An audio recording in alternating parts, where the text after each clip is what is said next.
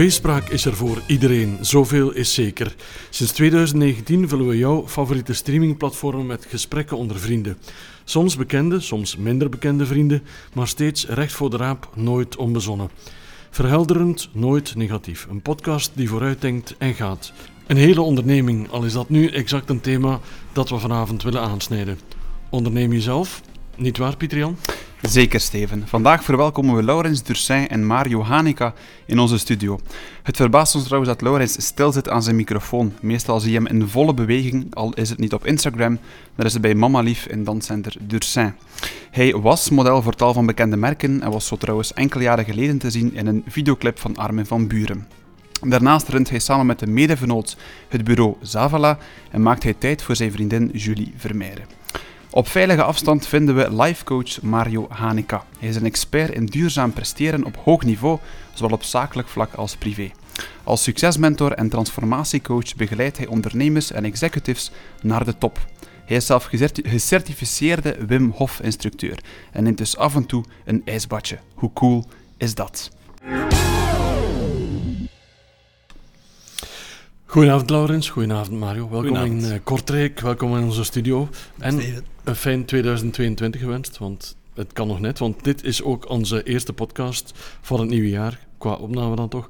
Hoe gaat het eigenlijk, heren? Uh, Mario, hoe was jouw dag? Uh, we zijn vandaag donderdag, 3 februari. Ja, 3 februari is voor mij denk ik een mooie opwarmer voor mijn eigen podcast, die ik op 1 maart lanceerde. Dus ik ben recent uitgenodigd, dus dit was een prachtig geschenk uit de hemel om hier samen met uh, Laurens dit uh, gesprek te hebben. Dus ik ben vooral dankbaar dat ik hier vandaag met jullie rond de tafel zit. Wat, wat kan je al kwijt over die podcast?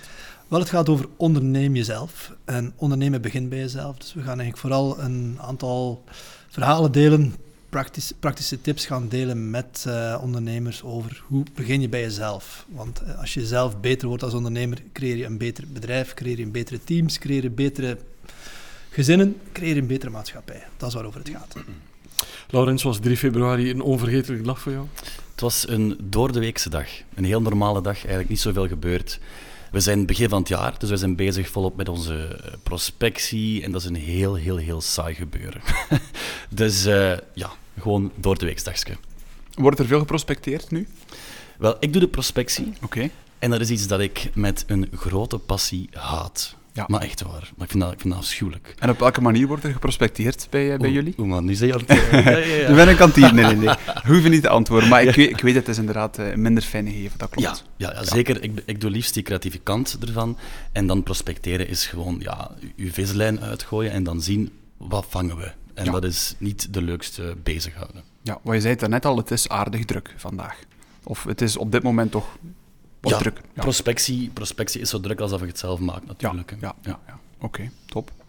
Dan lijken mij twee gasten, Steven, die klaar zijn om uh, aan de podcast te beginnen. Yes. Zoals altijd, lieve luisteraar, hebben onze gasten de vragen op voorhand gekregen. Hebben jullie daar tijd voor gemaakt om die eens door te nemen? Of, of laten jullie de vragen op jullie afkomen? Wel, ik heb een uh, one-liner. Failing to plan is planning to fail. Dus op dit vlak je kunt er wel beter een keer over nadenken. Uh, als je goed over dingen nadenkt, kun je soms ook wat diepere antwoorden vinden. Dus ik vond het ook belangrijk om hier vandaag toch iets mee te geven, misschien aan de luisteraars van, uh, ja. van de podcast. Dus ik denk, uh, een goed voorbereid man is er twee waard. Yes, top. Laurens, hetzelfde? Of? Een tegenpol. nee, ik had, ik had zoiets van, ik ben altijd vlotter als ik... Gewoon off the bat praat. Niet als ik uh, het voorbereid. En ik heb wel bij een paar vragen, ik heb ze wel eens gelezen natuurlijk, en bij een paar vragen had ik wel zoiets van, oké, okay, hier kan ik iets over dit kwijt. Maar ik heb het ja. niet echt uh, par voorbereid. voorbereid. Ja.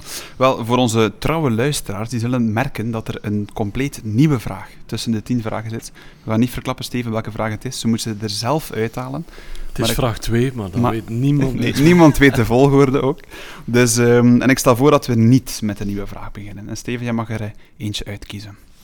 We zijn 2022. Als we tien jaar teruggaan, dan zijn we 2012. Uh, als jij jezelf vergelijkt met de jongen of de man die toen was, wat is er dan zo allemaal veranderd in jouw leven, Mario? Ik denk dat uh, de grootste verschuiving uiteindelijk is van uh, intrapreneur. Toen werkte ik op dat moment denk ik nog bij Showpad. Uh, of zelfs bij Transix. Echt, laten we zeggen, uh, directielid, veilige omgeving, waar alles voor jou geregeld werd, inclusief je wagen en zo. Terwijl vandaag hier zit een ondernemer die ja, veel risico's durft pakken, die niet alle stappen weet om naar zijn doel te raken. Dus ik denk dat het van misschien veilige Mario vandaag vooral de ondernemer is die hier zit vandaag. En ik ben daar heel gelukkig mee, want ehm, hoe meer dat je in het onbekende kunt gaan leven, hoe meer verrassingen dat je ook hebt. En af en toe, uh, of zeker in mijn leven vandaag, komen er heel veel positieve verrassingen in mijn richting. Ben je dan avontuurlijker geworden, stouter geworden om meer risico's te gaan nemen? Stouter zou ik niet zeggen, maar vooral heel bewust weten dat angst eigenlijk een illusie is. En dat het vooral het besef is dat je vandaag door je paradigma's beschermd wordt die zoeken voor veiligheid. Maar hoe meer dat je beseft dat je vandaag door je angst kunt gaan stappen, door bijvoorbeeld in een ijsbad te gaan stappen, daar kunnen we misschien straks over, over hebben. Maar hoe meer dat je als het ware je eigen gedachten en je gevoel onder controle krijgt, hoe meer dat je kunt gaan creëren in het leven. Ben je iemand trouwens die stilstaat bij het feit van ik sta hier nu en ik kom van de Mario van tien jaar of vijf jaar geleden bijvoorbeeld? Of sta je er minder bij stil? Ik denk dat ik vooral en veel meer vooruit leef. Ik vooral in die toekomst uh, leef, of ik creëer vanuit de toekomst. En vroeger had ik meer het idee, het verleden is een voorspeller voor de toekomst, terwijl ik vandaag weet, als transformatiecoach, je kunt jezelf compleet opnieuw gaan uitvinden. Ja, Laurens, ik volg je ook al een tijdje. Het zal geen tien jaar zijn, maar ik weet toch redelijk uh, wat er allemaal rijlt en zeilt. Um, als je jou vergelijkt met de Laurens van tien jaar geleden, wat merk je dan op? Wel, um, tien jaar geleden was ik heel onbezonnen. Ik was 17 en uh, ik had een kans gekregen naar Milaan te gaan als model. En mijn pa zei, nee, je gaat eerst je school afmaken, je moet dat doen, je studeert nu moderne, of dat was dat ik deed. En ik zei, nee, screw it, ik ga naar Milaan. En ik ben eigenlijk tegen de wil van mijn pa naar Milaan gegaan dan. En dan eigenlijk heb ik uh, on en off drie, vier jaar gereisd en mijn school toen zelfs niet afgemaakt. Mhm. Omdat ik heel wispelturig was. En moest ik die persoon nu voor mij hebben, zou ik zeggen, Laurens, kom maar, je hebt nog tijd genoeg in je leven om dat allemaal te gaan doen. Goed, ik heb teruggekropen en alles wel gedaan uiteindelijk, maar ik was heel onbezonnen en ik wilde alleen maar reizen en, en een feest vieren en mensen ontmoeten en nieuwe culturen ontmoeten. Maar ik denk dat dat onrechtstreeks ook wel de persoon maakt wie dat ik nu ben. Mhm. Ik ben ook wel iemand die daardoor volgens mij socialer is en meer ondernemender geworden is, omdat je daar staat in, bijvoorbeeld in Bali en je moet een trein pakken naar Shakalaka, ja, dan staat je daar en moet je wel echt een oplossing vinden. En uh, ik denk dat dat wel iets is dat, mij, dat ik nu met mij meedraag en blij om ben. Maar moest ik het terug opnieuw doen, had ik misschien toch wel iets anders gedaan. Ja. Ja, en, en heb je dan op vandaag nog ergens die onbezonnenheid in jezelf? Of is dat totaal, totaal weg? Ja, nee, tuurlijk. Ja, ik denk dat dat ook iets is wat overal in terugkomt en wat ik doe. Ik wil mhm. alles wel iets anders gaan doen, uh, met iets meer edge. Ja. Um, en iets meer ja, mijn eigen ding eraan geven. En denk, anders zijn is daarin goed. Ja, ja. want je hoort wel eens zeggen dat mensen rustiger worden met ouder worden. Voorlopig is dat nog niet aan de orde. Nee, nee, nee. nee. En zeker voor, allee, voor hetgeen dat ik doe, ik wil wel uh, ik wil hoog mikken, ik wil heel veel gaan doen. Mhm. En dan moet je nu een soort van mini-versie van ADD hebben om, om het te kunnen doen, denk ik. Dan, ja. Want ik vraag me dan af, je zegt inderdaad modellenwerk, maar het, het harde modellenwerk lijkt mij ergens moeilijk te streamen met onbezonnenheid. Hoe gaat dat dan concreet in zijn werk? Of was dat, was, was dat moeilijk? Dat ging hand in hand. Ah, dat was, modellenwerk is ik heb het er op een vorige podcast twee uur over gehad, maar ik ga het heel kort houden. Dat is een, uh, een grote val. Dat is iets waar je in terechtkomt. Je doet het, je bent een product van, van ja, die maatschappij. En s'avonds is dat gewoon uh, een en al feest, een en al wie er met die persoon naar bed gaat, die krijgt de kans om de volgende show te gaan doen. En dat was een circuit waar ik gewoon heel snel wist van hier, hier wil ik niet in blijven. Dus dat, was, dat is gewoon, je wordt als 17-jarige persoon, meisje of jongen, naar Milaan getrokken. En je moet maar daar als minderjarige jongen of meisje daar beginnen ja, op feestjes terechtkomen, alcohol voorgeschoteld krijgen. En dat is mhm. gewoon een heel, heel vergiftigd milieu mhm. waar ik echt uh, waar, waar, ik niemand aanraad om daarin te gaan. Ja. ja. Hoe moeilijk is dat dan om jezelf ja, trouw te blijven? Wel, ik heb het geluk dat ik... Mijn ouders ben ik heel close mee. Ze zijn mijn beste vrienden. En uh, toen misschien, toen ik wegliep, niet. Maar mijn pa bleef mij wel begeleiden. Hij zei, als je dat wilt doen, oké, dan volg ik u daarin en dan steun ik u daarin. En toen ik hem belde en zei wat ik daar allemaal zag, wist hij ook van, Laurens, het is echt gewoon niet een situatie waar je in gaat groeien of iets gaat bereiken. En er zijn ook geen succesvolle 60-jarige modellen. Of dan moet je designer worden, of moet bla bla bla. En die had enorm gelijk. En uh, ja, het is echt een, een heel vergiftigde wereld. Dat wel. Ja. Oké. Laten we even van uh, vergelijking naar tien jaar geleden doorspoelen naar een mooi thema, en dat is ontroering. We worden de dag van vandaag oversteld met emoties, met gebeurtenissen, maar er zijn sowieso nog dingen die ons uh, kunnen diep ontroeren. Dat we ook af en toe misschien wel even bij stilstaan. Laurens, ik ga misschien bij jou een keer beginnen. Wat zijn de zaken die je diep ontroeren? Wel, ik denk vooral muziek en film. Ik ben een uh, gigantische, gigantische filmfanaat. Mm Ik kan echt wel van, van heel veel goede films genieten. En muziek ben ik ook enorm van van componisten. Want ik speel ook zelf piano. Ja. En uh, dan de Einaudis of Max Richters van de wereld, mede nieuwere uh, componisten, is echt muziek waar ik mijn goed glas wijn s'avonds kan gewoon denken over waar, waar, ik mee bezig ben, over het leven en even gewoon herbronnen. Ja. ja. Ja, want ik heb het ook beluisterd. Op Spotify heb je effectief je eigen pianomuziek geschreven, die staat ook online. Uh, heb je daar al veel reactie op gehad, op die muziek? Wel, ik denk het mooiste compliment dat ik ooit in mijn leven heb gehad, dat is dat er een, uh, een meisje is haar broer verloren, ik denk twee jaar geleden. En toen hebben ze op de begrafenis een van mijn nummers daar afgespeeld. En ze stuurde mij een heel lang bericht en zei van, kijk, dat nummer symboliseert echt wie hij was. Dat was echt, hij was gelukkig, happy, maar toch ook uh, een complex persoon. En die zei, ja, dankzij u hebben wij het nummer gevonden dat wij op zijn begrafenis wilden afspelen. En dat was iets dat mij zo geraakt heeft. En in alles wat ik doe, of dansen of piano of marketing, is het nooit zo hard binnengedrongen om zo'n compliment te krijgen. En het heeft geen miljoenen views, mijn pianomuziek, maar als je dat al kunt teweegbrengen bij iemand, is dat voor mij meer dan geslaagd. Mhm. ja. Je liet ook film vallen, dat intrigeert mij ook. Ja. Noem eens een paar titels die jou uh, ontroeren. Ik vind dat heel moeilijk. Ik heb in mijn gsm een lijst staan per genre welke film ik daar goed in vind. Er zijn veel mensen, ik vind zelfs horror, vind ik fantastisch. Maar dat is nu een genre waar heel veel mensen zeggen van dat is echt niks voor mij. Maar dan ga ik naar drama, dan ga ik naar... Ik zou misschien meer regisseurs kunnen zeggen, dat ik echt wel goed vind. Dan denk ik dan zelfs in meer het actiegenre. Een Tarantino, fantastisch. Uh, Villeneuve, nu met de nieuwe film Dune, van ik ook zeer goed. Mm -hmm. Denk mijn, als ik een all-time favorite moet zeggen, gaat het tussen uh, Shawshank Redemption waarschijnlijk. Dat is ook de IMDb number one, I know. Maar ik vind dat echt een fantastische film. Mm -hmm. Of Interstellar. Ja. Ik vind, het is ook een nieuwere film, maar een film dat gewoon zo vol zit met, met, met fantastische cinematografie. Hans Zimmer heeft dan een soundtrack geschreven ja. die die leegte van space weerspiegelt. En ik vind dat een film die zo af is. Ja. Maar Shawshank is trouwens een film uit ons geboortejaar, 1994. Ja, ja ik, weet dat, ik, weet dat van een, ik weet dat van een film van Aad, dat je zo La, la, la, wat is uh, la Vita e Bella of zo, dat ze zo iets oudere film gaan, gaan zeggen dan. En ik heb ook de oudere films gezien. Maar ja, ik ben toch meer voor de nieuwere film. Ja. Tenzij Cinema Paradiso. Ik weet niet of je die, uh, die kent. Ja. Fantastisch nee. film in de jaren 40. Ja. Oké, okay. een keer opzoeken. Ja. Shawshank is trouwens ook mijn nummer één, maar ik weet niet of mensen daarvan wakker liggen. kan een, film, kan een film ooit verkeerd zijn met Morgan Freeman erin? Ik denk het niet. Nee. En Tim Robbins. Voilà, voilà. uh, we gaan dezelfde vraag ook uh, voorleggen aan jou natuurlijk, Mario. Hmm. Wie of wat kan jou ontroeren ik word elke dag ontroerd en dat begint meestal als morgens al om 6 uur. Dan ben ik onze 6 am club en ik heb een aantal cliënten die daar heel gedisciplineerd drie of vier keer in de week verschijnen in de ochtend. En wat ik meestal merk zo na twee, drie weken is dat mensen beginnen veranderen. En vanmiddag had ik eh, iemand die mij vertelde van Mario, mijn win van deze week, wat is dat?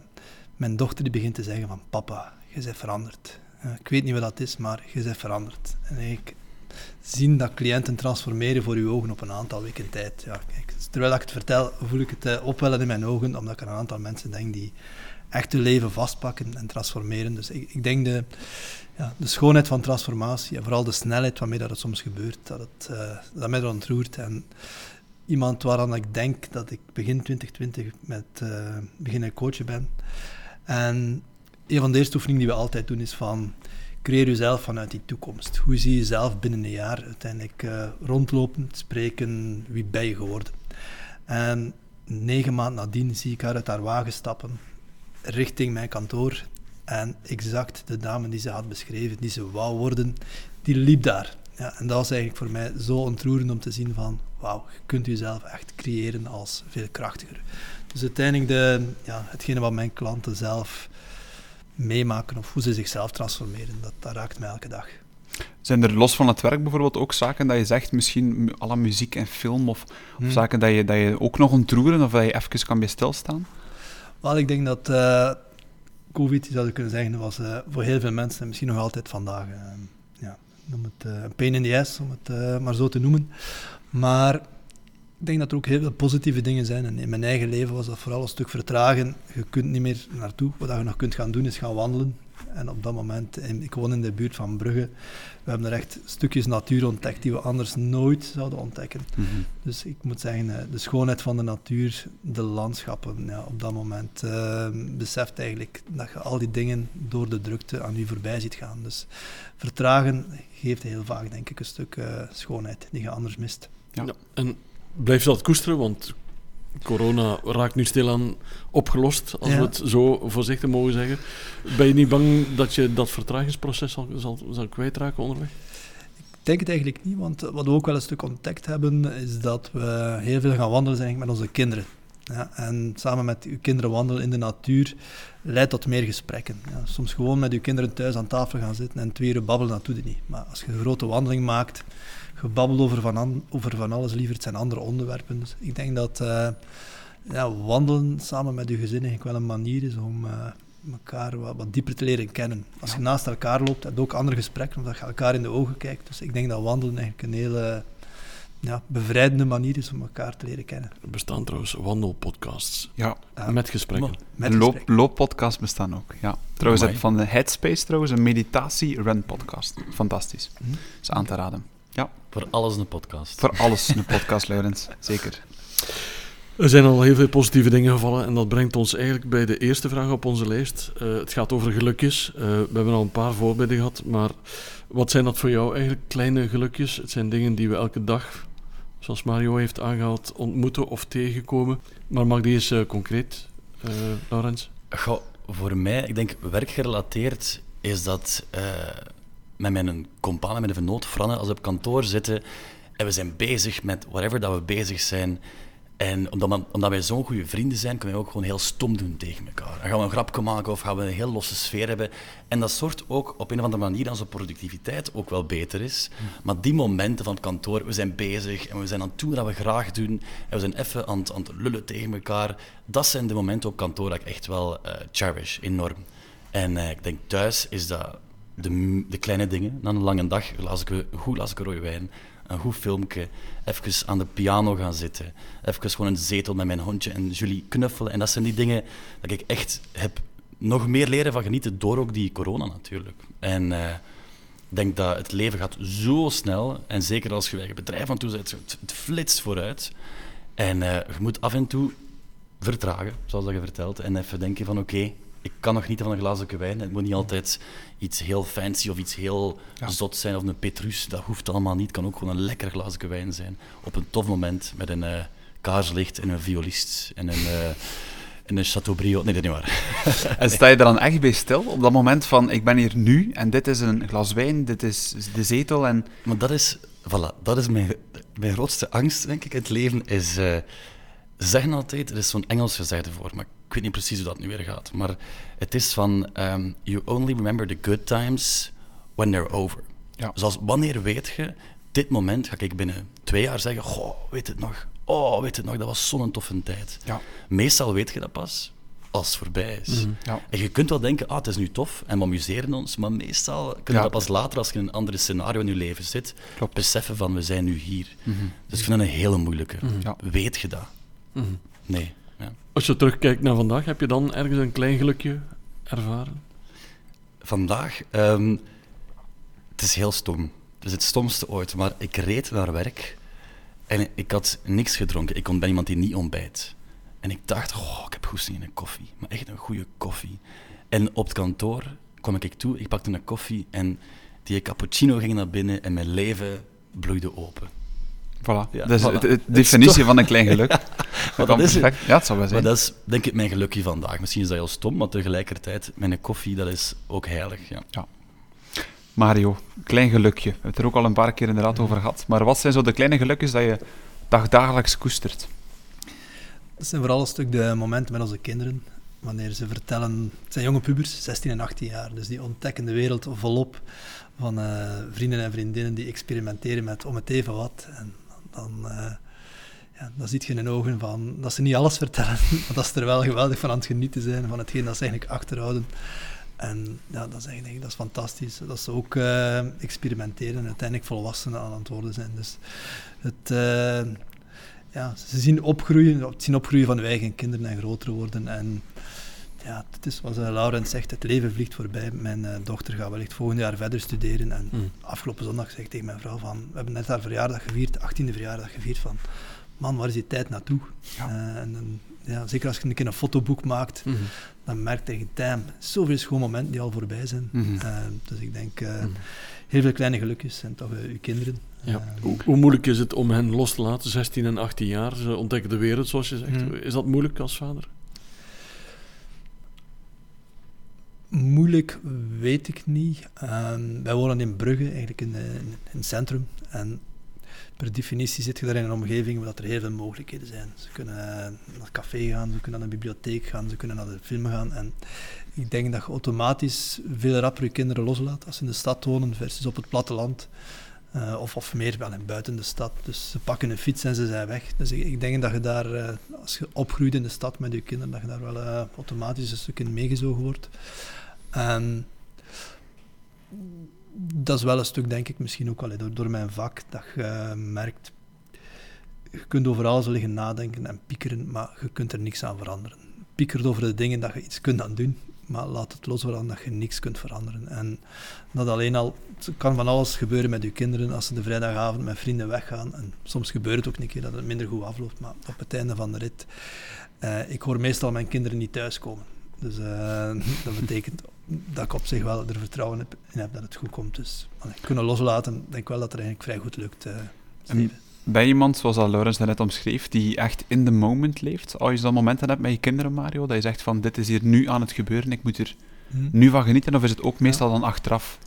ik heb eigenlijk een groot kantelpunt gehad door echt in, zelf in een coaching traject te zitten. En een van de dingen, of van de uitdagingen waar ik toen mee te kampen had, was van being present. En in eerste instantie was het minder werken, probeerde wat meer thuis te zijn. En dan was ik minder thuis, maar dan zat ik in mijn hoofd nog in een mailbox. Ja. ja en dan merkte uiteindelijk, je bent er wel, maar je bent er niet. En eigenlijk door meer echt met coaching bezig te zijn, door present te zijn met mensen, door je aandacht te richten op die andere persoon, dan merk je dat je heel andere gesprekken hebt, heel andere connecties maakt. Dus ik denk vandaag dat uh, dit vak mij presence aan mijn kinderen heeft, heeft en, en mijn vrouw en mijn cliënten heeft geschonken. En ik denk dat echt aanwezig zijn bij iemand, dat een van de mooiste geschenken is dat je iemand kunt geven. 100% aandacht geven aan iemand. Dat is uh, ja, in de tijden van gsm's en allerlei triggers die er zijn, denk ik, een ongelooflijk cadeau dat je iemand kunt geven. Ja. Ik ga een heel mooi bruggetje maken naar de volgende vraag met wat Mario zegt. GSM zijn inderdaad alles die wel eens kan afleiden. Um, en dat is het volgende. We zijn heel vaak bezig in een wereld die constant beweegt. Hè? Dus er is heel veel stress, heel veel druk. Um, maar hoe gaan jullie op een goede manier met die stress om? Hoe gaan jullie met die drukte om? Hoe onthaasten jullie? Of hoe vertragen jullie? Zoals dat Mario daarnet al uh, zei, Lorenz. Um, ik vind stress heel moeilijk. Ik ga daarmee beginnen. Waarom? Omdat als ik stress voor een meeting of een, uh, of, of, een, of een voorstel, dan ga ik onnodige grapjes maken. Dan ga ik zo iets te veel out there zijn, iets te veel willen de, allez, voelen dat ze mij wel leuk vinden of doen. En dan ga ik meestal ook die meeting gaan verkloten. En dan voel ik achteraf van als ik dan op, op mezelf ben, ben ik helemaal anders. En dat is iets waar ik echt aan werk, om te kunnen, als ik ergens binnenkom, bij een grote pitch, bij een grote klant, van oké, wees toch gewoon jezelf. Je moet hier niet beginnen met een openingsgrapje of pop, pop. Nee, dat hoeft allemaal niet. Je kunt ook gewoon vriendelijk zijn en rustig opbouwen naar wie je bent. Maar waar begint je dan? Dus dat is zo een beetje in mijn hoofd soms moeilijk om met stress om te gaan. Maar ik leer het wel door gewoon naar een meeting te gaan en te zeggen: kijk, wat ik doe, dat is goed. En als ze het niet willen, willen ze het niet. Willen ze het wel, dan willen ze het wel. En dan kom ik meestal zo binnen en ik kan dan maar mezelf zijn. En dat is hetgeen dat ik altijd in mijn hoofd hou. En niet zoiets van, oh, het is een grote vis. Oh, shit, die moet binnen. Oh, man, man, man, wat moet ik hier zeggen? Oh, oh je ziet er goed uit vandaag. Oh, shit, wat heb ik nu gezegd? Allee, snap je? Dat zeg je niet tegen een klant. Ik heb dat al gedaan. Dus je moet... Allee, je moet wel... Ik moet mezelf altijd zeggen van, oké, okay, komt wel goed. Ja. En dat is mijn advies voor mezelf dan okay. meestal. Want, want, jullie leven in werelden van, denk ik, uh, cijfers, deadlines en dat soort ja. van dingen dat zorgt toch voor permanente druk op jullie persoon?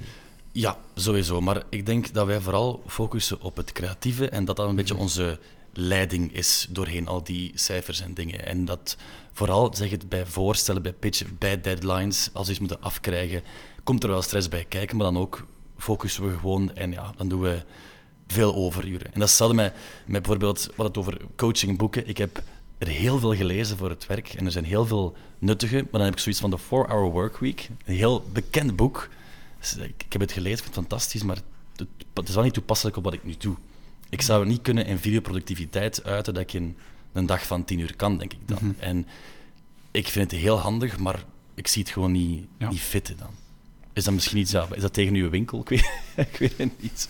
Niet noodzakelijk. Alleen, je moet eens te kijken, wat is je eigen context? En ja, als je in vier uur kunt doen wat je in tien uur kunt doen, zal het veel te maken hebben, denk ik, met je organisatie creëren en, en een context rond u creëren. En denk, de ideale ondernemer is de ondernemer die op eh, verlof kan gaan en een maand later terugkomt en alles draait nog even goed. En, en vaak vinden we onszelf te belangrijk eh, om, om zelf voortdurend aan het stuur te blijven zitten. En Ja. dat is de uitdaging waar ik inclusief mezelf ook aan werk. Dus, eh, Ik denk als ik een maand op reis ga, dat ik failliet ben. ja. Oké. Nee, maar eh, wel mooi dat je het omschrijft inderdaad. We zijn vaak een, een, een drukmaatschappij als we vragen, en hoe is het? Ja, druk, druk, druk. Maar dat is ook inderdaad niet altijd, altijd goed. Hè, want, Nee. ehm, misschien nog één iets inpikken. ehm, dat ik, had ook het woordje onthaasten laten vallen.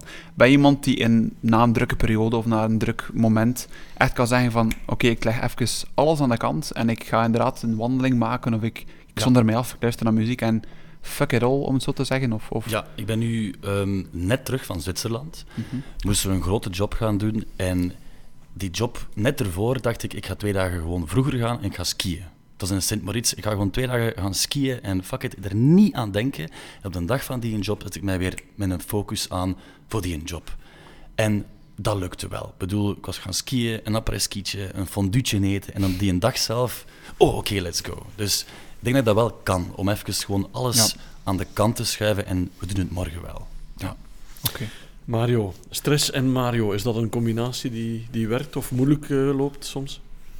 Ik denk dat er eh, ook daar heel veel verschuivingen geweest zijn de afgelopen jaren bij mezelf. En ik zie vandaag dat er twee grote recepten bij mezelf heel goed werken en ook bij veel van mijn cliënten. Dat is de combinatie enerzijds van meditatie. Ja, meditatie is je gedachten beginnen zien. Welke gedachten hebt je en vooral welke onwerkbare gedachten moeten stoppen. Dus dat is al eh, een, een, e- een eerste groot stuk. Het tweede is eigenlijk ook een stuk gaan je stressbuffer opbouwen. En we hebben het daarnet gehad over ijsbaden, de Wim Hof methode en de Wim Hof ademhaling gecombineerd met ijsbaden laat eigenlijk toe, als het ware, om een soort natuurlijke stressbuffer in te gaan bouwen. Dus je kunt ook een lichtere variant pakken onder de vorm van koude douches morgens. En eigenlijk is dat mijn dagelijkse ochtendroutine. Is eh, koud gaan douchen, een stuk meditatie gaan doen, die ademhaling gaan doen. En dat geeft me eigenlijk enerzijds de... Ja, je lichaam is al aan een bepaald stressniveau gewoon, dus eigenlijk, je kunt die buffer binnenpakken. Dus het is een stuk preventief, enerzijds. En anderzijds ook op het einde van de dag. Stress als zodanig is niet erg, want dat geeft u een zekere scherpte. Maar wat je wel ziet uiteindelijk, als je je lichaam nooit een keer een reset geeft, dan ja, zien we fysieke klachten ontstaan, mentale klachten ontstaan. Dus jezelf s'avonds, voordat je in je bed kruipt, een bepaalde ademhaling gaan doen. Hartcoherentie betekent eigenlijk dat je systeem gewoon aangeeft, je zit hier veilig, alles is oké, de oorlog is voorbij. En als je dat elke dag een keer kunt doen, dan zie je dat je systeem ja, veel meer kan ga- gaan absorberen. Zeker in combinatie met die buffer die je dan in de ochtend inbouwt. Dus ik geloof erin, of ik, ik heb een systeem gevonden waar dat ik enerzijds een buffer inbouw en ook een reset kan geven op het einde van de dag. En ik moet daar twee dingen vragen, Mario. Eén, is een volledig koude douche. Dus niet starten met warm, effectief compleet ijskoud. Er zijn eh, verschillende manieren. Als beginner eh, zou ik zeggen, Pieter Jan, morgenochtend, uw laatste 10 seconden begint Mhm. met koud af te douchen. Ja. Bouw dat elke dag op. eh, de komende 20 dagen en ga je eigenlijk al merken dat je 5 maal 20, dat je anderhalve minuut koud doucht. Ja, dus dat is eigenlijk al een ideale manier. En je gaat ook merken in het begin, ehm, begin dat vooral op je benen te doen, en dan je, je bekken en dan je borst. En je gaat merken dat je eigenlijk achter een goede maand gaat net het omgekeerde gebeuren. Je kunt niet meer uit een douche stappen zonder dat je je koud afdoucht. Dus eigenlijk een habit die in het begin heel moeilijk is, is zo diep ingebouwd dat je niet meer omgekeerd kunt. Dat is heel bizar om te zien. Dus eh, ik zou zeggen, begin klein, kleine stapjes zetten en na twee, ja, of, of na twee maanden gaat je Mhm. zeggen, ik kan niet meer zonder. Hoe Ja. bizar dat er ook kan eh, klinken. Bij Maar- mij lukt het om af te douchen, maar zo nog die stap tot een volledig koude douche is zo net nog iets, iets te ver. Ja. Maar je begint wel warm, dat heb ik toch zo begrepen. Mm, Ik, ehm, er zijn twee dingen. Eh, als ik mijn haar moet wassen, dan, eh, en dat is toch een paar keer in de week, dan is dat eh, uiteraard met warm water. Want echt, eh uw ha- haar wassen met koud water is niet zo, niet zo lekker. Maar in de praktijk, als je je haar niet wast, die een dag is dat gewoon met koud. Beginnen van boven naar beneden en. Even zeker je nek. En dan zijn helemaal wakker. Ja, dus ook cardiovasculair brengt dat Ja. heel veel goede dingen in beweging. Eh, ja, tal van goede voordelen. Want dan inderdaad, de tweede vraag, je hebt het gehad over de Wim Hof methode.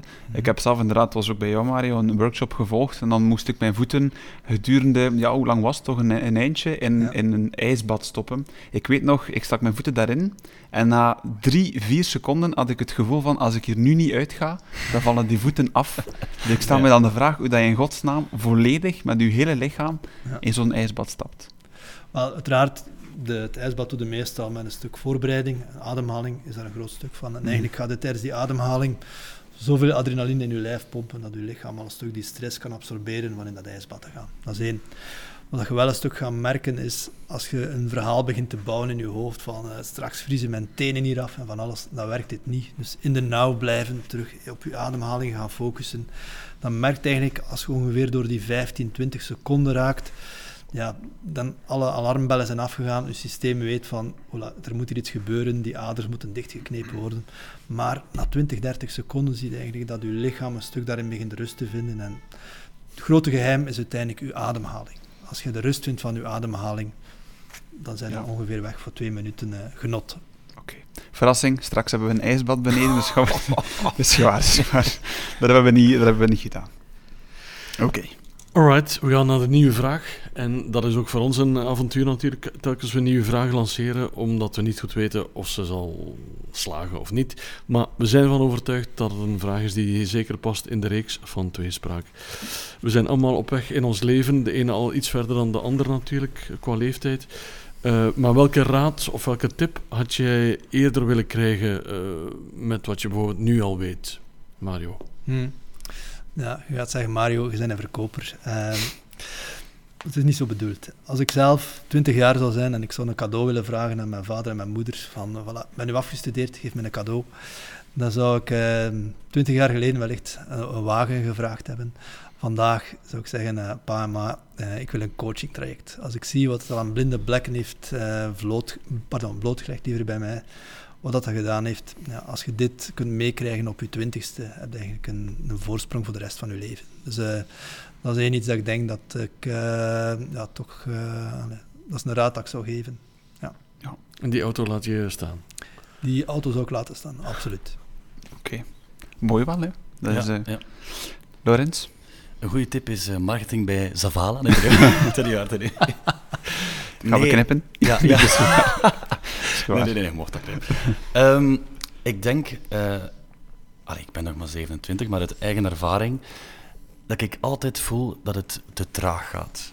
En dat ik denk, hetgeen dat ik het meest geleerd heb en waar ik ook echt in geloof, is dat als je bezig bent met iets en je gelooft, ik doe dit graag, dat is mijn passie, ik ben er goed in, dat je gewoon echt moet de volhouden. Dat je het moet blijven doen en dat het allemaal wel komt. Ik heb al heel veel keren dat ik eh, wat ik doe, doe en dat ik plots denk van, allee, waarom komt dit niet? Waarom vinden mensen het niet tof en is het niet goed genoeg en je twijfelt eraan, maar je moet dat zaadje planten en blijven doen groeien. En ik heb één vraag, iets bij, dat is bij deze vraag. Want dat deed me dan denken aan eh, het boek van Leen en Dievel, die is hier ook geweest. Ja. Dat is een goede vriendin van mij. En ik wil er graag een stukje, heel kort, uit lezen, want ik vind dat heel mooi gezegd van haar. eh, uit Brief aan mijn kind. Ze zegt, investeer. Misschien zal je niet meteen resultaat zien, maar heb je gewoon een zaadje geplant voor later. Heb geduld, wees niet verbitterd. Langzaamaan geraakt ook de egel aan de overkant. Dat zaadje wordt op een bepaald moment een mooie bloem. En dat gebeurt wanneer je het minst verwacht. Heel mooi gezegd van Leen. Mooi. Ja. Dus ik denk dat dat een beetje mijn tip is van eh, blijf volhouden. Als je iets doet en je voelt ik ben er goed in en je wilt is echt je passie, blijven doen en blijf groeien erin. En niet Ja. opgeven. Ja. Ja. Is bijvoorbeeld een, een, een manier om passie te uiten voor jou ook dan het dansen bijvoorbeeld? Dat je, Ja. Ik merk dat toch, toch totaal niet kan loslaten. Want, Nee, nee, nee. Ik heb vooral iets, ik wil eh, sinds kind al mijn creativiteit kwijt. Ik ben opgegroeid in de dansschool van mijn, van mijn mama. Ik uh, heb daar piano ook gespeeld. En dat is allemaal een soort van medium voor mij, om, uh, en ook marketingbedrijf nu ook, om dat kwijt te kunnen, om creatief te kunnen zijn, om te kunnen doen wat ik graag doe. En dat is ook iets waar ik heel mijn leven, uh, sinds mijn 17 jaar van school wegging, omdat ik het andere wilde doen. Ik doe altijd wat ik graag doe. Ik wil echt mijn gevoel volgen en niet in een deadbeat 9 to 5 raken, dat ik echt ja, gewoon langzaam depressief word en een burn-out krijg. Ja, ja. ja. Nee, maar de mensen worden ook op zich oprecht vrolijk, denk ik, van je filmpjes. Ik heb ook mijn opzoekingswerk een beetje gedaan. Uh, doe ik altijd als ik mijn gasten voorbereid. Je hebt ook voor dat filmpjes met je schoonvader, ja, dat je samen danst. Hoe is dat bijvoorbeeld dan? Wel, het ding is dat Julie heeft een, een nieuw medium, die, een nieuw channel, die een TikTok.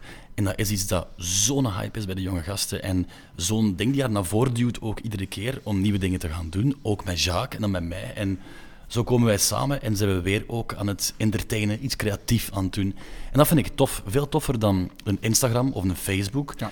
TikTok dwingt de jonge mensen van nu, want het is nog een generatie jonger dan mij eigenlijk, om creatief te gaan zijn. Om iets, een tof filmpje te maken of iets grappigs te maken. En vroeger was Instagram gewoon ja, een bikinifoto of een foto, oh, ik ben iets aan het eten of met een taartje aan het eten. En TikTok is wel iets dat de mensen weer creatiever maakt. Dus dat vind ik wel heel tof. Maar ik moet één iets vragen, heeft Jack en TikTok evenveel energie als dat je ziet op de filmpjes? Nee, in het echt is dat gewoon echt een saaie pummel. Nee, nee, nee. nee. Jacques is fantastisch. En uh, denk iets eigen aan zowel Julie als Jacques, is dat die gewoon heel real zijn komen die van de camera, die veranderen niet. Die gaan niks aanzetten of afzetten. En heel veel mensen die ik ontmoet, hebben dat wel. Ik ga nu geen namen noemen, maar bedoel, heel veel mensen, de camera komt erop en dat is geen probleem. Maar je zegt van, ah, hey, oh my god, ja. ah, niet echt. En de camera gaat af. Ja, god, wanneer gaan we naar huis? En dat is gewoon, dat voelt je die mensen vallen uiteindelijk wel door de mand. En ja. Jacques en Julie zijn wel gewoon heel echt. En dat maakt hun, ja, ze populair, denk ik dan. Mm. Ja. Mario, ik ga nog eens terug naar jouw antwoord. Het is al een tijdje geleden, want jij zei toen: ik wil gecoacht worden toen ik, uh, of als ik zou mogen kiezen. Mm. Um, stel je voor dat je eigen coach zou zijn. Welke goede raad zou jij die jongeman van 20 die je toen was uh, geven? Ja, ik heb daar net al een stuk uh, vernoemd vandaag. Toch wel een, iets denk ik dat mijn leven veranderd heeft. En nog altijd. En, maar dat ik wel dankbaar ben dat die dingen op mijn pad gekomen zijn. Dat is, dat is meditatie. En het feit dat je even kunt vertragen in jezelf, tot bij jezelf, tot rust komen, dat je gedachten ziet. En weten dat je gedachten je gevoel bepaalt en dat je gevoel vooral je actie bepaalt, ziet je dat je er eigenlijk wel een, jezelf een serieuze voorsprong kunt geven op de dag. Dus, of ook ja, terug gaan landen op het einde van de dag. Dus ik, ik denk uh, ja, dat meditatie, we zien wel meer en meer, ik denk ook het boek van Steven Lorijs, dat recent geschreven is, uh, Meditatie voor Dummies, dat mm. dat meer en meer populair wordt. En ik denk dat dat een heel goed gebeuren is. En je zou kunnen zeggen, ja, is dit een ontdekking? In uh, het oosten weten ze dit al jaren. Ik denk alleen dat we achterkomen en dat we dit aan het ontdekken zijn in, in, onze, in onze regio's. Misschien voor de luisteraars zelf, die totaal nog niet vertrouwd zijn met meditatie, is er zo'n mm. eenvoudige oefening dat je zegt dat je soms een keer zelf doet, die eigenlijk al voldoende is om daarmee te starten? Ik denk dat er, uh, waarom dat ik nu denk, is, je hebt de traditionele apps eigenlijk, een Headspace of een Calm, daar hebben eigenlijk al heel veel meditaties, maar meditatie heeft heel veel verschillende doeleinden. Je hebt er die geschikt zijn om goed in slaap te vallen, je hebt er om uh, rustig te worden, om te relaxeren. Dus het hangt er een beetje vanaf in welke staat dat je effectief bent. Um, eerder nog meditatie denk ik dat iets super simpel is eigenlijk op je ademhaling beginnen letten. Ja. En we zien ook heel veel mensen die een hoge, pardon, een hoge ademhaling hebben, die dus ademen vanuit hun borst. En dat betekent eigenlijk, zelfs als het geen rust, zie je heel veel mensen die misschien 12 of 13 keer per minuut gaan ademen. Wat dat eigenlijk doet, is je stress of je systeem in, ja, in stress gaan zetten. Mm -hmm. Dus eigenlijk voor jezelf je ademhaling vertragen, meer vanuit je buik gaan ademen. Zorg er eigenlijk voor dat je lichaam aangeeft, I'm okay, I'm safe. Dus ik denk dat ademhaling eigenlijk nog iets eenvoudiger is. En in vijf minuten kun je eigenlijk een reset geven aan je systeem. Dus als je het vraagt, dit is eigenlijk nog simpeler dan meditatie en minstens even effectief. Want sorry, zeg maar. Want mensen denken dat het echt intens is, maar jij spreekt van vijf minuten. Ja, in vijf minuten kunnen met bepaalde um, oefeningen echt je systeem gaan resetten. En uiteraard, ik zeg, meditatie, echt uh, uw diepe verbeelding gaan aanspreken. Ja, dan moet u even in een bepaalde staat van rust gaan brengen om ja, te gaan connecteren met je hogere zelf. Je moet dat ook niet doen als je zwaar gestresseerd bent. Je creëert effectief die context voor je om, om je rustig te brengen. En uh, ja, het beste uit je hogere zelf te gaan tappen. Is het dan ook zo met chakras en zo, of gaat het zo ver niet? Of, of? kunt daar inderdaad zo ver in gaan. Ja. En wat we wel een stuk zien, en ik heb eh, afgelopen twee weken eh, een week gespendeerd in Florida met Joe Dispenza. Ik zou kunnen zeggen, een van de goeroes is een groot woord, maar goeroe over het algemeen heeft weinig wetenschappelijke kennis. Ik denk dat dat een groot verschil is met Joe Dispenza. Dat heel zijn werk sterk met academici en, en, en dokters en geneesheren ondersteund is. Ehm, daar, mijn inzicht is ik vandaag, dat, of wat dokters daar ook vertellen, als je bepaalde meditatietechnieken kunt gebruiken rond zelfhelen van jezelf, dat die eigenlijk even krachtig zijn als pure ja, traditionele geneeskunde. Dus meer en meer denk ik, het feit dat je meditatie wetenschappelijk kunt gaan ondersteunen, betekent dat die kracht en het belang daarvan toeneemt en Hmm. Dat het een, een, ja, een heel, dat het bijna meer dan een aanvulling zal zijn op traditionele geneeskunde. Hmm. En heb je een favoriete plaats of tijdstip eh, waarop je dat doet? Eh, wel, op dit moment is ik bij mij vooral, ik heb mijn 6 am club, dus van eh 6 tot 7. Dan heb ik nog een klein beetje tijd dat ik spendeer met mijn gezin tot half 8. Dan ga ik naar mijn kantoor en daar uiteindelijk tussen 20 voor 8 en 8 uur is dat mijn meditatie, waar ik connecteer met mijn doelen, hoe dat ik voel, hoe zal het zijn als mijn doelen bereikt zijn. Dus ik kan me als het ware gaan bevinden in de staat alsof dat alles al gecreëerd is. Dus ik creëer mezelf vanuit de toekomst en dat is eigenlijk het moment rond de 8 uur dan dat ik uiteindelijk begin aan mijn Mm. dag en mijn Ja. cliënten en Ik- begin te serven. Iemand die dat dat- trouwens ook doet is eh, Wouter Torfs. Ja, dat Ja. klopt. Ja, is er ook veel mee bezig. Ik heb daar zoveel bewondering voor. Echt waar. Want ik heb, Mhm. allee, ik heb zoals ik zei, gereisd en gebackpackt ook door Azië. Mhm. En daar, is daar, ja, daar heb ik ook gemediteerd en ook echt die cultuur willen opsnuiven. Maar dan kom je terug naar hier, in die flitsende wereld. En ik denk, in een twee dagen tijd was ik dat allemaal alweer vergeten. Ken je het? En ik vind dat zo bewonderenswaardig dat je dan dat kunt nog steeds doen en niet caught up geraakt in die snelle wereld. En dat is dat ik wel last van heb. Dat ik soms, ik wil veel meer sporten, maar dan zeg ik van ik kan niet sporten, want ik heb veel te veel mails en veel te veel. En die tijd kunnen nemen en toch hetzelfde in een dag kunnen doen, is wel iets waar ik volgende week samen met jou aan tafel zit bij onze intakegesprek. nee, ik vind het heel interessant, echt waar. Ja. Nee. Het is wel, je zou kunnen zeggen, eh, Laurens, als ik u vraag, poetst je je tanden elke dag? Wellicht zeg je ja Mario en wellicht twee keer. Mhm. En dat kost u geen moeite. Waarom? Omdat het een gewoonte is. En vandaag uiteindelijk, meditatie voor mij is een even grote gewoonte als mijn tanden poetsen. En ja, je kunt misschien een keer een dag overslaan dat je niet doucht. Eh, Oké, dat gebeurt met meditatie ook. Maar op het einde van de rit, als dit is wie dat je bent en je weet dat je scherper aan de dag komt, dat je beter kunt focussen op je cliënten, ja, dan je wordt gewoon een betere ondernemer als je mediteert. Dus waarom zou je het niet doen? Ja. Nee, fantastisch. Mooi. Het is toch mooi als er tips gegeven worden aan elkaar. Daar alleen doe je het voor. We gaan al koud, we gaan al koud douchen, We gaan al, ja. het ijsbad in en gaan Ja, mediteren. We hebben er gewoon al een gratis coaching sessie gehad. Ik weet niet of je het beseft, maar... Ja, eh, Voilà, daarom- ben ik straks. voilà, voilà, factuur voor straks. Oké. ehm, dan een heel leuke vraag trouwens. Vroeger hadden we de vraag, was mijn favoriete vraag, Steven weet dat. Wat is eh, je guilty pleasure? Die hebben we helaas weggelaten in de vernieuwing, maar hebben we ergens semi-vervangen door eh, de laatste vraag, of vraag 10 toch, want we zijn nog niet aan het einde. En dat is eh, de volgende. Ik begin eens bij, eh, bij Mario. Welke trekjes laat je niet snel aan anderen zien? Zijn er bepaalde trekjes dat je herkent bij jezelf, of dat je weet van, ja, die heb ik wel, maar dan misschien anderen niet weten of niet zien, of dat je toch maar lekker voor jezelf houdt? Ja. Ik vond dat een van de moeilijkste vragen eigenlijk, toen ik ze aan het voorbereiden was. En wat ik bij mezelf een stuk zie, als coach moet je zelf ook aan je eigen werken. En heel veel van je eigen, tussen haakjes, van je shit moet opkuisen. Maar dan merk je wel dat je je meer authentiek kunt gaan tonen wie dat je echt bent. En hoe meer, zoals net, zoals Laurens daar ook zei, ik kom met mijn klanten, dat is wie dat ik ben. Either you take it or you leave it. En als je meer vanuit die positie kunt komen van, dat is wie dat ik ben, je denkt van mij wat je wilt, eh, als je meer vanuit je eigen kracht komt, dan heb je eigenlijk minder te camoufleren. En ik denk dat ik vroeger heel veel van mijn onzekerheid camoufleerde, terwijl ik vandaag, ja goed, als je meer in je eigen kracht staat, dat je daar authentieker naar voren kunt komen. Maar helemaal weg is het natuurlijk nooit. Dus een stukje het camoufleren van je onzekerheid met ergens ja, een vraag terug te stellen, omdat je het antwoord niet weet. Dus uiteraard, als je wat slim bent, fietst je daar rond, maar er zijn wel manieren om je onzekerheid te gaan eh, camoufleren. Is dat dan een soort eh, kwetsbaarheid dat je laat zien aan mensen? Wel, ik denk vandaag gebeurt het heel vaak dat je zegt, ja, sorry, I don't know. Eh, en dat is ook oké. En ik denk dat mensen dat wel een stuk appreciëren, als ze voelen van, dat je in allerlei bochten probeert te wringen. Ehm, ja, dus het is oké om het niet te weten, ook als coach.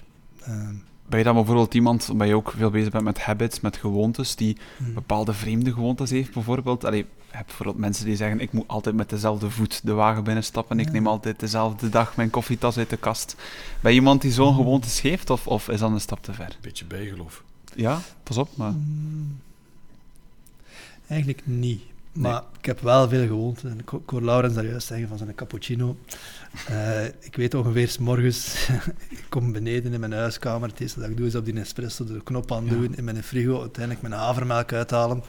In twee minuten ja, zet ik mij neer aan mijn tafel. En ik denk, als je honderd dagen pakt, dan je denkt van, eh, is dat filmpje van gisteren? Ja, nee. Dus op, op dat vlak denk ik dat we wel onze patronen draaien, maar Ja. dat vind ik dan wel een oké patroon. Oké. Laurens, heb jij bepaalde trekjes dat je in jezelf, ik zie lachen, dat je kent, dat je misschien niet toont aan anderen, of dat anderen niet weten, of net wel, kan ook. Het is eigenlijk een heel moeilijk iets. Voor het feit van, eh, ik ben eigenlijk een... Ik moet dat, wacht, ik moet dat uitleggen. Ehm, ik denk, ik ben ergens... Ik kom heel energiek over, heel positief. En mijn vrienden zeggen soms van, ah, en je bent altijd happy en je hebt nooit als, er is nooit iets aan de hand met je. Maar tegelijk ben ik ook iemand die wel een eh, glas half vol persoon ook wel is. Die meestal gaat bij een ding verwachten, het zal niet gebeuren. Als het gebeurt, super. En als het dan niet gebeurt, ah, dan wist ik het al. En dat is een trekje die eigenlijk niet zo goed is. Dus ik ben eigenlijk een soort van daar een pessimist. Ik ben ook wel een realist. maar Ik ben ook ergens wel ook een optimist. Snap? Het is Ja. heel complex, want ik ben wel een happy persoon, maar ik verwacht niet veel.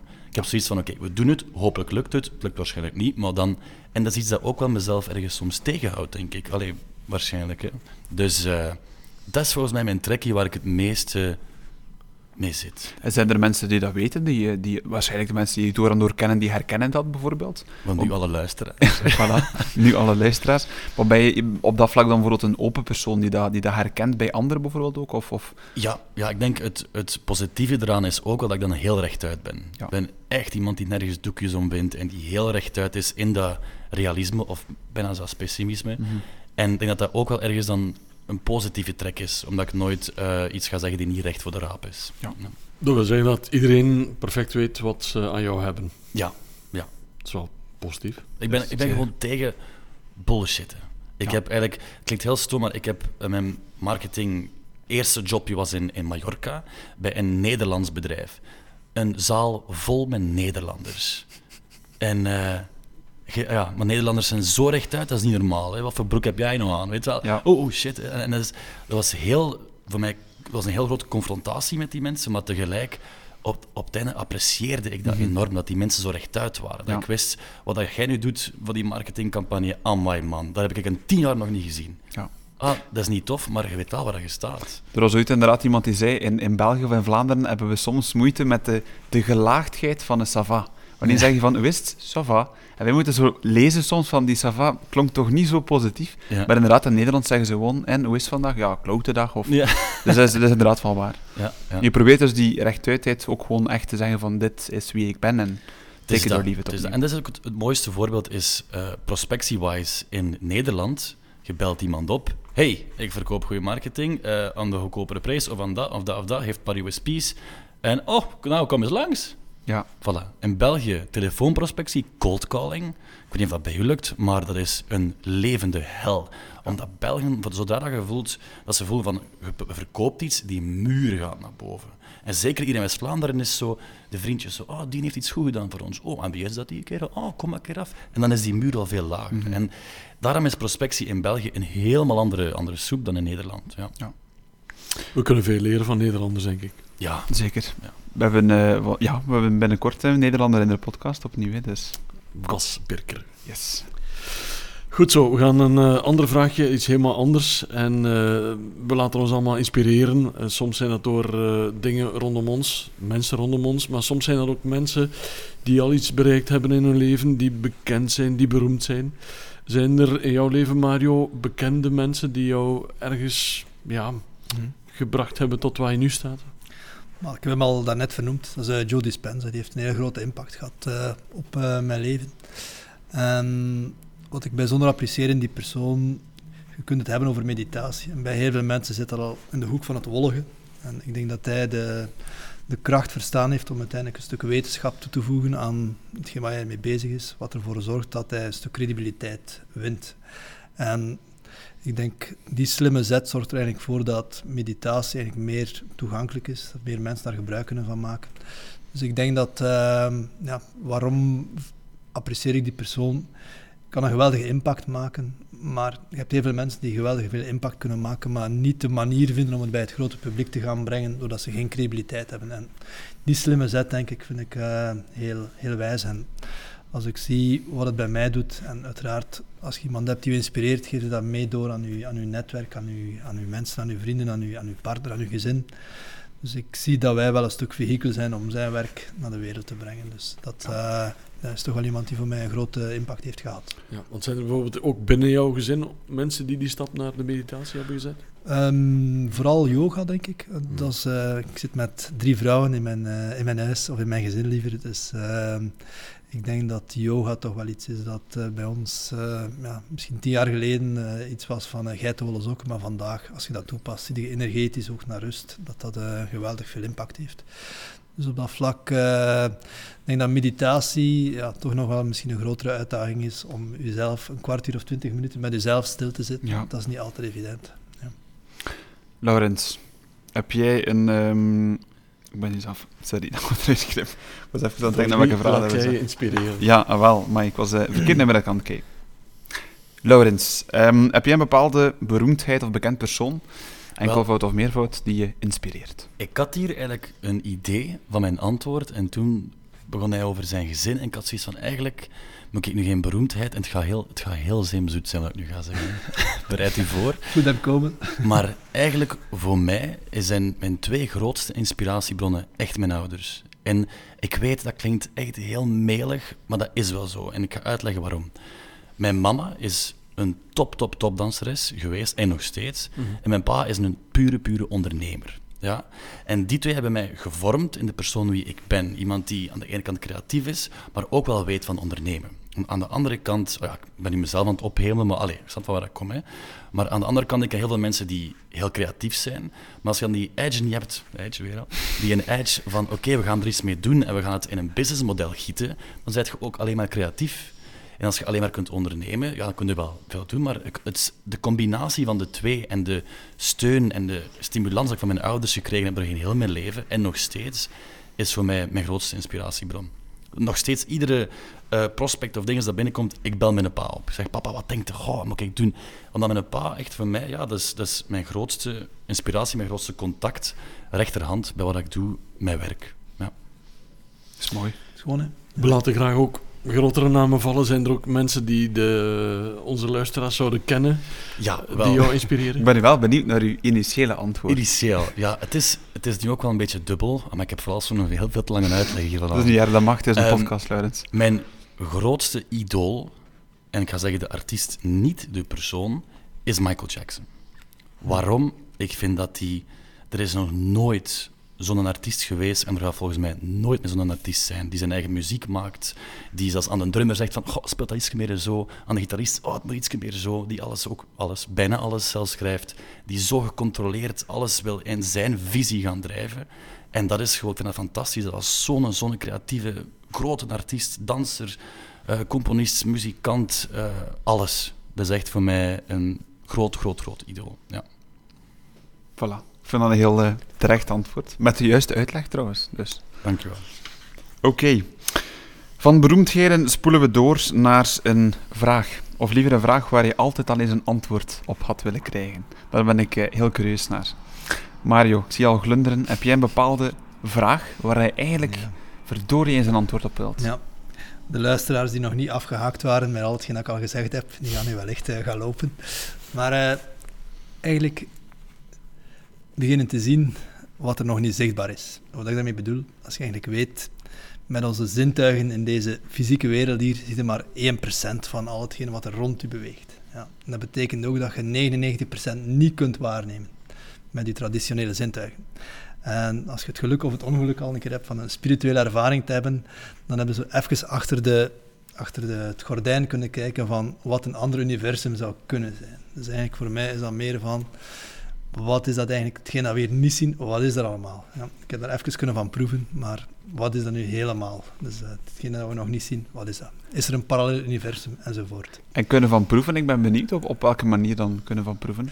Wel, een stuk een spirituele ervaring heb ik uh, gehad, als je dat spiritueel mag noemen, na een van mijn eerste ijsbaden. Ja, dus uiteindelijk was dat, ik denk, uh, december 2018 geweest zijn, denk ik waar dat uh, de avond of de nacht na dat ijsbad uiteindelijk een out-of-body experience had. Dus op dat moment zie je jezelf als het ware liggen in je eigen bed uh, en voel je ook terug in je eigen lichaam komen. Dus ja, je zit ergens op twee plaatsen op hetzelfde moment.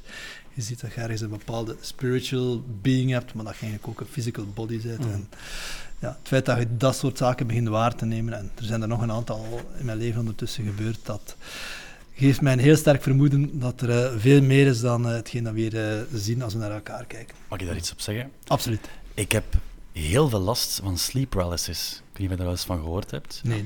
Dat is dat je, dat is zeker eens opzoeken, dat is dat je in je slaap eigenlijk gewoon, je brein wordt wakker, maar je lichaam niet. Mhm. Mm -hmm. En ze noemen dat eigenlijk hetzelfde wat, wat het bijhoudt. Dus je ligt daar, je kunt niet bewegen. Ja. En in sommige versies daarvan ziet je jezelf ook liggen. En blijkbaar is dat ook een heel spirituele belevenis. En daardoor heb ik ook wel zoiets gehad van, hmm, zou er iets zijn? En dan, dan heb ik naar Brugge, naar Tom de Prest geweest. Ik weet niet of je die kent, dat is een, uh, Absoluut. een fysio. Ja. En die doet een speciale manier van needling. Ja, dry needling. En dry needling, voilà. Yes. En Julie gaat er naartoe en die zei van, oh, maar ik, ik huil daar, maar niet van de pijn, van de emotie. Ik dacht van, goh. Dus ik ga eens mee met Julie. En die zei van, kijk, want ik was sceptisch er tegenover, Hmm. leg dit op die tafel, ik ga wat naalden daar allee, in, de, in, de, in de pressure points of zo steken. En ik lag op die tafel en die steekt één naald, niet diep. Ik voelde geen pijn, ergens, op waar mijn stress zat, blijkbaar. En ik had gewoon de Titanic, Schindler's List en allemaal in twee seconden gezien. Ik heb gewoon echt op die tafel beginnen blijten gelijk een klein kind. Echt waar. En toen dacht ik, ja, er is wel iets meer dan ik waarneem. Ik moet misschien niet zo sceptisch er tegenover staan. Ik denk dat heel veel mensen dat moeten ervaren voordat ze het geloven. Als dat tegen mijn pa vertelt, zegt hij, wat is een zot. Allee, dus je, je moet die mensen daar wel krijgen, denk ik. Ja. En is dat dan een soort religieuze ervaring of, of transcendentie? Of hoe, hoe moeten we dat zien?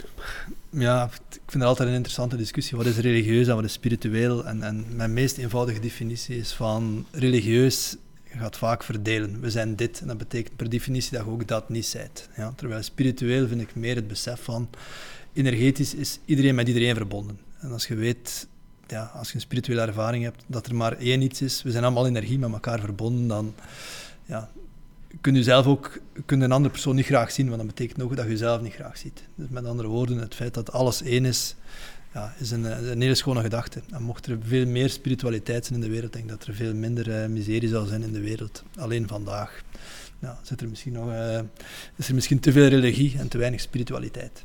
Amen. Amai. Laurens, ik kom bij jou terug. Ehm, op welke vraag wil jij heel graag eens een antwoord? Ik vind dat ook de moeilijkste vraag. Ja. Goh, ik denk... eh, had eigenlijk op een antwoord gedacht, maar dat niet vergeten, omdat dat zo'n interessant gesprek was net. Ehm, ik denk, ja... eh, wat, wat wil ik een... eh, Je mocht even nadenken. Nee, nee, laat me eh, twee kan seconden. het even... Kan het even eh, Wacht, hé, wacht, hé, wacht. hé. Ik had er een goed antwoord voor gevonden. Dan ben je helemaal in kaart. Dat spirituele ben je helemaal erbij. eh. Nee, op welke vraag wil ik een antwoord? Is er leven op Mars? Is, eh, What is love? Waarom moeten we de, waarom moeten we de mondmaskers aanhouden als we, als, we, als we recht staan en niet als we zitten? Ehm Ehm, ja, op, op, Wacht, hé. Ik ga... Wacht, we gaan...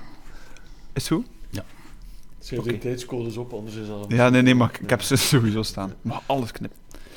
Oké, ik ga gewoon een keer mijn vraag herhalen, Laurens. Ehm Laurens, op welke vraag wil je graag eens een antwoord krijgen? vaag gezegd, maar ben ik op het juiste pad? Ben ik juist bezig? Is hetgeen wat ik doe nu juist, of ga ik op mijn bek gaan en ga ik iets anders moeten beginnen? Ik denk dat ik heel veel nadenk van, hopelijk is wat ik nu doe goed en, en is dat het mijn leven op een rail zetten dat mijn leven definieert ook. Want ik ben nu 27 en ik wil wel dat ik nu echt de bouwstenen aan het leggen ben voor mijn leven en dat ik later daar de vruchten kan van plukken. En dus de vraag is vooral, ben ik goed bezig? Of ben ik helemaal het foute pad aan het opgaan? En, en waar denk je dat je ergens zo'n antwoord zou kunnen vinden dan? Goh, tijd.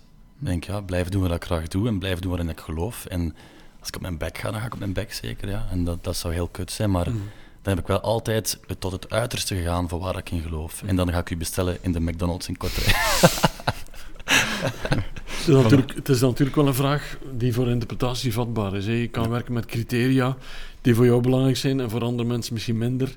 Wanneer denk je zelf dat je goed bezig bent? Ja, dat, ja, merci. Dat is nog een moeilijkere vraag. nee, ik denk, eh, ik ben niet snel tevreden wel met wat we doen. En er is altijd wel, zoals ieder project, is er zo'n dingetje van, "Ga, dat hadden we toch beter kunnen doen. Maar tegelijk, er is een film Whiplash, ik weet niet of je die film al gezien hebt, waar hij zegt, there are no three words in the English language more harmful than good job, of two words is dan good job. En dat is wel. Als je gewoon iets hebt van, ah, ik heb dat goed gedaan, dan gaat je er ook niet in groeien. Dus ik denk kritisch zijn voor jezelf en in mijn, voor mezelf is altijd iets dat mij wel verder pusht. Dus ik denk dat ik nooit ga staan waar ik eigenlijk wil staan, maar ik ben wel tevreden met de stappen dat ik zet. Ja. Je kan natuurlijk altijd te kritisch zijn, zoals bijvoorbeeld de drumleraar in Whiplash. Ja. Eh, dat is misschien ook niet eh, veel van het film. goede. Heel mooi Oh. film. Ik heb het nog niet gezien trouwens. Oh, maar dat moet je echt kijken. Dat is Ah, een ja. fantastisch, fantastisch. Superfilm, ja. Noemt die een acteur nu weer? Sorry. Uh, is dat Michael Keaton? Nee, dat is... Is Michael Keaton? Het is niet zo'n bekende. Jawel! Whiplash. Sorry. We gaan- Sorry, het Nee, nee, nee, doe maar, Nee, doe maar, doe maar. echt weten nu. Het is niet Keaton. ehm, Eh, Whiplash. Dat is toch die van Birdman, hè? Dat is dezelfde acteur. hè? Ja, nee. En van wat- is dat van is dat lang J.K. geleden? Simmons. Ah. J.K. Simmons, ja. Sorry, dan moet je weer Nee, het, eh, geen probleem. Misschien knip ik het er wel een keer niet uit. Ja.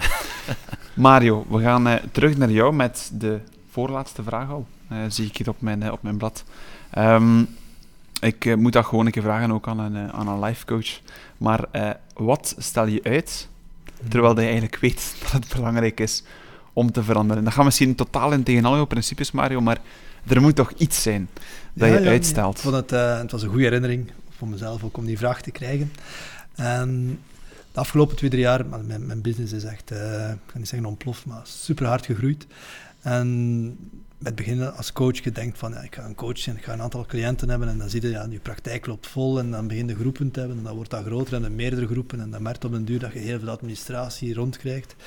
En dan denkt je, ik ga dat eerst nog een beetje zelf doen. En je vraagt aan je vrouw, gaat een beetje helpen eh, op vrijdag als je niet moet werken. Maar dan merkt op den duur van, Mario, pak een keer eh, als een grote vent hier ook beslissing als een ondernemer. Eh, en dan zie je eerst, ja, ik ga toch nog met een freelancer doen, een paar uur in de week. Maar wat ik vandaag uitstel, zijn echt een aantal mensen vast op de payroll gaan zetten. Iemand voor mijn administratie, iemand voor mijn commercieel team. Dus typisch zie je daar, ja, doordat een aantal dingen zo rap gaan, dat je nog een stuk in die voorzichtigheid zit, terwijl dat je klanten zegt van, mannen, schakelen. Ja, Mhm. vandaag schakelen. En voor jezelf merk je soms ook van, eh, ja, dat je nog een stuk gebonden bent door die veiligheid, hè, als dat niet goed gaat of wat er gebeurt. Maar ik moet daar gewoon, eh, en alles, alles is op dit moment aan het lopen, om eh, met een aantal coaches te gaan werken, met een eh, commercieel team te gaan werken. Mhm. Dus dat is eh, iets wat ik eh, zou durven uitgesteld hebben, maar eh, na vandaag heb ik, there's no way back. Voilà, no way back. Bij Iedereen, deze ook iedereen, uitgesproken. Voilà, iedereen weet het vanaf nu. Dus. En ik kan alleen maar beamen dat een vast team de beste beslissing is dat je ooit kunt nemen. Ja. Ik ben trouwens vereerd dat ik jou een keer een tip kan geven, Mario. Zelf in een podcast. Oké. En Laurens. Hoe, hoe komt het dan dat je dat, hoe komt het dan dat je dat hebt uitgesteld? Ehm, ik denk dat het een stukje te maken heeft met ehm, twijfel van, man, dat gaat hier zodanig hard, kan dat blijven duren? Dat je in eerste instantie zo verwonderd bent dat een aantal dingen van, wow, kan dat blijven duren? Dat je bijna niet zeker bent van, ja, maar ja, verdubbelen en nog een keer verdubbelen op twee, drie jaar tijd, is dat, is dat een toevalstreffer. Maar dan zie je dat dit blijft groeien. Dus ik denk dat het een stuk een, een twijfel is van, kan dit zo goed blijven gaan? Mhm. Ja. Mhm. Eh, jij lijkt me iemand die van dingen durft aan te pakken en ervoor gaat. Zijn er dan ook dingen die je durft uitstellen? Ja, ehm, ik denk, we zitten nu vo- volop in de running van ons bedrijf. We zijn nog niet waar we willen zijn, we zijn wel zo aan het groeien, dus moet er heel veel energie, heel veel tijd naar het bedrijf. En dan wil ik die andere tijd met Julie zijn, met mijn vriendin. En is dan dankzij mijn ouders, dat mijn grootste inspiratie wel zijn, skip ik veel te veel soms tijd met mijn familie. Want ik woon nu ook alleen, even aan de oma en opa gaan. Even aan mama en papa een koffieke gaan drinken. En je raakt zo caught up in die, het bedrijf, het bedrijf, oh mijn vriendin, oh ons hondje. En dat je, ja, ik heb mijn oma en opa nu waarschijnlijk al twee weken niet gezien. Voor mij is dat lang. Voor mij is dat echt lang. Ik ben heel close, echt een familieman. En dat vind ik heel jammer. Maar het is wel, dan denkt je, ah, ik moet die keuze nu maken voor het bedrijf. Maar dat is misschien de juiste keuze, hè? ik weet dat ook wel. Maar ehm, ik moet veel meer tijd maken ook om daar een heel gezonde balans in te vinden. Zonder dat ik denk, als ik bij familie ben, oeh shit, nu gaat het bedrijf achteruit. Als ik bij het bedrijf ben, oeh, nu zie ik mijn familie niet. Dus Ja. dat is iets waar ik echt aan moet aan werken. En Op voorhand die momenten blokkeren, lukt dat? Of, of komt er altijd wel iets tussen eh, qua bedrijfsmatige actie? Ja, in, in, in deze eh, staat van bedrijf gebeurt er van alles door elkaar. Je krijgt een mail daar, je krijgt een call daar en je bent bezig met dit, want dan gebeurt er daar dat. En ik heb wel gemerkt door nu iets meer structuur te vinden dat dat allemaal gemakkelijker gaat. Want in het begin mijn kop ontplofte, omdat ik dan dacht, ik moet dit nog doen, moet die nog bellen, oh, ik moet dat nog doen, ah, Finn, je moet dat nog doen. Wat was het eerste nu weer? En Ja. dus ja, structuur en misschien ook structuur voor die dingen, dat is waar. Het is lang geleden dat in de podcast als deze eh, de term digital detox viel. Hm. Ben je daar mee bezig of, of niet echt? Ah, ik, heb, ik heb dat, ik heb vier, zoals ik zei, vier jaar gereisd, gebackpackt door Azië. Dat was geen connectie, overal met de rugzak naartoe en daar eens even blijven. En ik heb alles gezien en echt helemaal ge- geunplugged van het leven. En nu ben ik in het tegenovergestelde daarvan. En ik denk dat ik gewoon die twee werelden samen moet brengen en eh, daar de gulden middenweg vinden, denk ik. Ja. Heren, we zijn toe aan de laatste vraag. En het is ook een van mijn favoriete vragen. Ik ga eerlijk zijn daarin. Eh, we hebben allemaal een connectie met een of ander boek, een of ander film, een of ander lied, een of andere artiest ook wel. Eh, wie is dat voor jou? Welk boek? Welke film? Wat mag het zijn? Eh, kies, eh, verras ons met jouw aanbod, zou ik zeggen. Ik heb gekozen voor een lied. En het lied dat mij heel nauw aan het hart ligt en ergens een kantelpunt was in mijn leven, was eh, This Is Me van eh, The Great Showman. Oh, fantastisch. Ja, dat is een, een, een lied met eh, zoveel passie van iemand die echt volledig kan ontbolsteren, zichzelf kan zijn.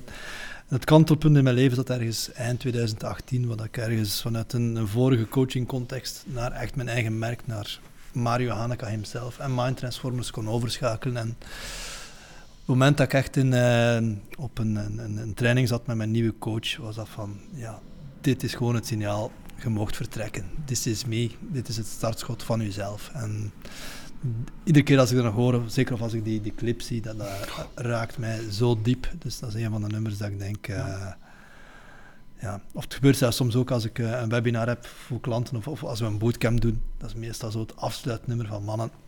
Vertrek nu. Je, je moogt, je moogt zijn wie dat je bent. En, eh, Ja. nee, dat is een fantastisch nummer. Ik stel voor dat je het eens zingt voor ons. Fantastische Eh, film ook trouwens. Je moet Ja, weten ja. waarin dat je goed bent en waarin dat je niet Ja, goed bent. dat is waar. Ik heb begrepen dat ik hier met een zanger, eh, pianist zit. Dus nee, met nee, deze nee, nee. delegeer ik dat mooi naar u. kan En absoluut niet Is dat, is dat een nummer dat je af en toe nodig hebt om, om jezelf te herbronnen?